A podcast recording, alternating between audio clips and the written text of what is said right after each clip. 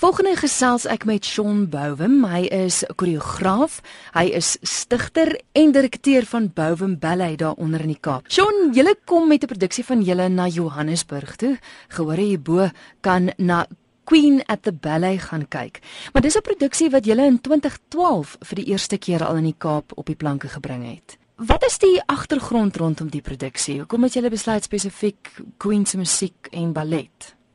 Well, it was back in about 2004 that I was at Beer watching a Queen show.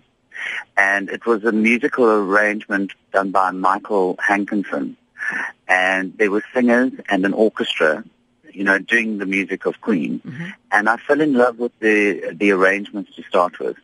And what really got to me was that something was missing out of that show because it was a musical show with singers and orchestra, but for me it needed something visual, something that could add to these amazing arrangements that Michael Hankinson has come up for all the Queen music. Mm.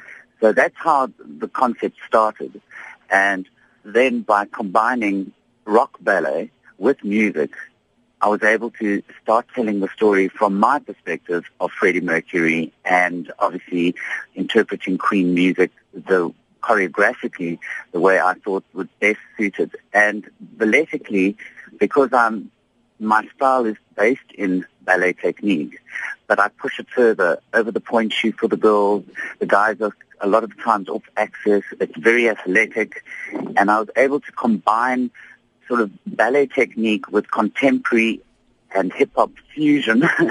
Sounds strange, but I've been able to do it. And it actually suited the music so well but I brought a visual to the music that I'd heard all those years ago.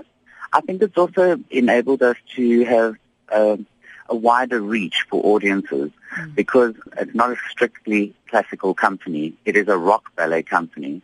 And in terms of architecture in the world today, art, um, design, everything's moved forward. And I really believe that ballet has a place on the stage if it keeps up with the times. And although Freddie Mercury's music is uh, spanned over four decades and he's dead now, but the music still lives on. Mm. And for me, it always starts with music. The music for me, I, I grew up listening to Queen and absolutely loved the music. But for me, it's timeless. So for me, in 2014, to tell the story of Freddie is actually an honor and a privilege for me. But it actually suits my kind of choreographic style.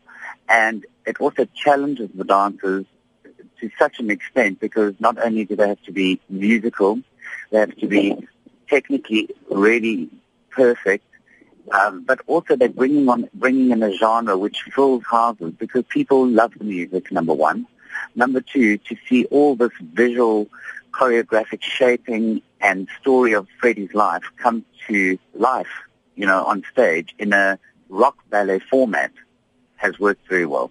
Ja, maar met dit alles gesê, moes dit seker 'n groot uitdaging gewees het want hy het soveel ongelooflike musiek gehad en en het jy het jy eers op die musiek besluit of het jy sekere danspassies in jou kop gehad en en toe musiek daarbey gekies? Hoe dit gewerk? Well, for me, um it starts with the music and obviously the famous We Will Rock You um, music of Queen, We Will Rock You, Seaside Rendezvous, um, Innuendo, Killer Queen. You know, I mean, the list goes on, but they are all such powerful tracks that uh, that's how I started. My favorite, and then from the arrangements that had been done, I used that to plot the ballet. Ons kyk gou na die sangers. Jy sê gedurig die musiek is vir jou die belangrikste en ek weet dis ook waar alles begin het toe jy die sangers gesien het. Uit die aard van die saak is daar ook sangers deel van die produksie. Well, this time round we have the privilege of Sita from Bonneburn singing one of the voice of Freddie and we have a guy called Daniel Fisher who's a musical theater trained singer who's been in Fiddler on the Roof, who was the lead in Fiddler on the Roof. So those two men carry the voice of Freddie the whole way through the show. And why I split it into two men is because Freddie Mercury had one of the most amazing four octave range abilities mm. to, you know, to sing it and to have one singer um, with all the demands of what his vocal gymnastics do. I decided that two singers could share the role and we'd always have some of the high registered songs and then some some that are just a little lower, and they could share, it's not a burden, but they could share, share the challenge of Freddie's voice because I don't think there'll be anyone in the world that comes close and maybe Adam Lambert. but um, Freddie has a unique and raspy rock voice that I think tends sometimes to do the most beautiful ballads and yet other times can belt out these rock numbers. So two singers for me has always been a great balance to bring the voice across in the ballet. Mm-hmm. And for me, the singers are the narrator of the piece. They're standing and, and join in, in some of the work.